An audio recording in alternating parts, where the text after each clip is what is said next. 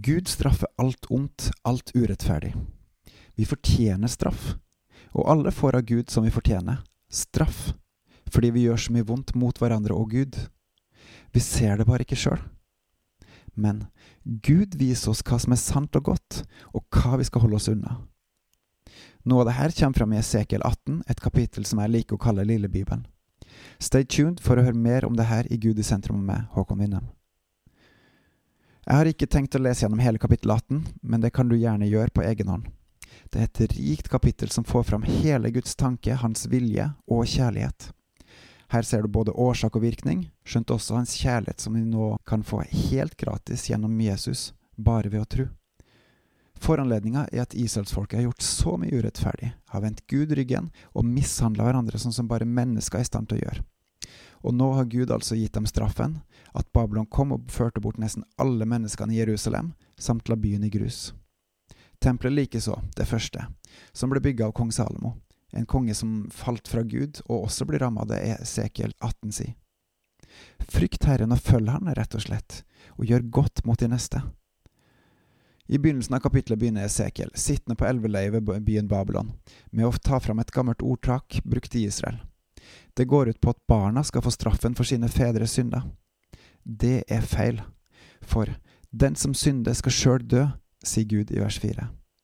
Deretter viser han hva som er rettferd, eksempel det å ikke ha noe med avguder å gjøre, det å gjøre rett mot gifte folk, å gå fram eh, på rett måte med penger og eiendom, å ta seg av sultne og nakne, å gjøre rett og dømme rett, og å holde og leve Guds ord trofast. Alt til Guds ære, og til menneskers beste. Det er mye som tas opp i kapitlet, skjønt jeg velger å hoppe over litt av det fordi at jeg ønsker å ha fokus på håpet. Men det andre er også viktig, for å få fram at vi kan gå fortapt, også vi kristne kan gå fortapt. I vers 17-19 understreker Gud igjen at den som følger Gud, skal ikke dø, men leve. Men hans far, derimot, som har gjort det onde, han skal dø for sin synd.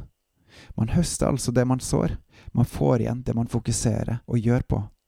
Hva gjør du? Videre i vers 20-23 kommer Guds kjærlighet gjennom Jesus fram igjen. Den rettferdige skal leve, men den urettferdige dø. Men en urettferdig som vender om fra all sin synd, merk all sin synd, han skal leve og ikke dø. Da følger en alle Guds forskrifter, og så gjør man det som er rett og rettferdig. Da blir alle syndene en har gjort, glemt på sekundet, bare ved omvendelse og tro på Gud. Er det her rettferdig? Nei. Er det rettferdig at de som gjør det onde, skal få straff? Ja, så absolutt.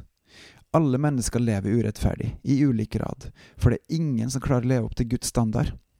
Vi gjør rett og slett både godt og ondt. Men noen er sterkere og velger å gjøre mer av det som er rett og rettferdig. De kaller Gud for rettferdige, fordi de følger Han.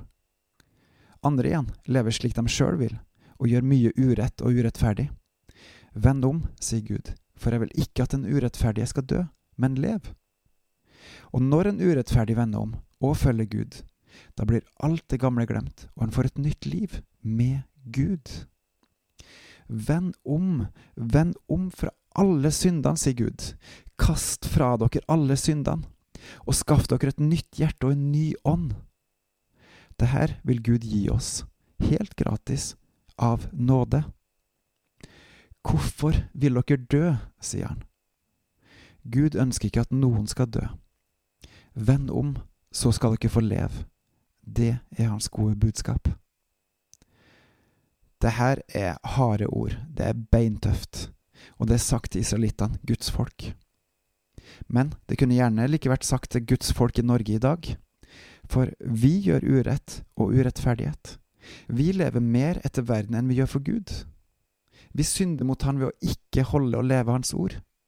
Og så er vi mer opptatt av å bygge våre egne liv enn å gjøre godt mot vår neste. Mest våre brødre i Guds rike, skjønte også alle mennesker på jorda, både i denne verden og med å vise dem Guds rike. Vend om, vend om, sier Gud til oss. Slutt å streve, og lev for meg i stedet. Det er selve meninga med livet. Det er det som teller. Det er det som er godt. Det er det som gir liv. Vend om, så skal vi leve. Guds kjærlighet er stor. Følg Han, og du skal leve. Og du skal få et nytt hjerte og en ny ånd av Han. Følg Han og gi livet ditt til Han ved å holde deg nær til Han og gjøre rettferdighet. Bygg Guds rike. Be, elsk, les i Bibelen, lytt til Han og sammenvoks. Bebels. På gjenhør.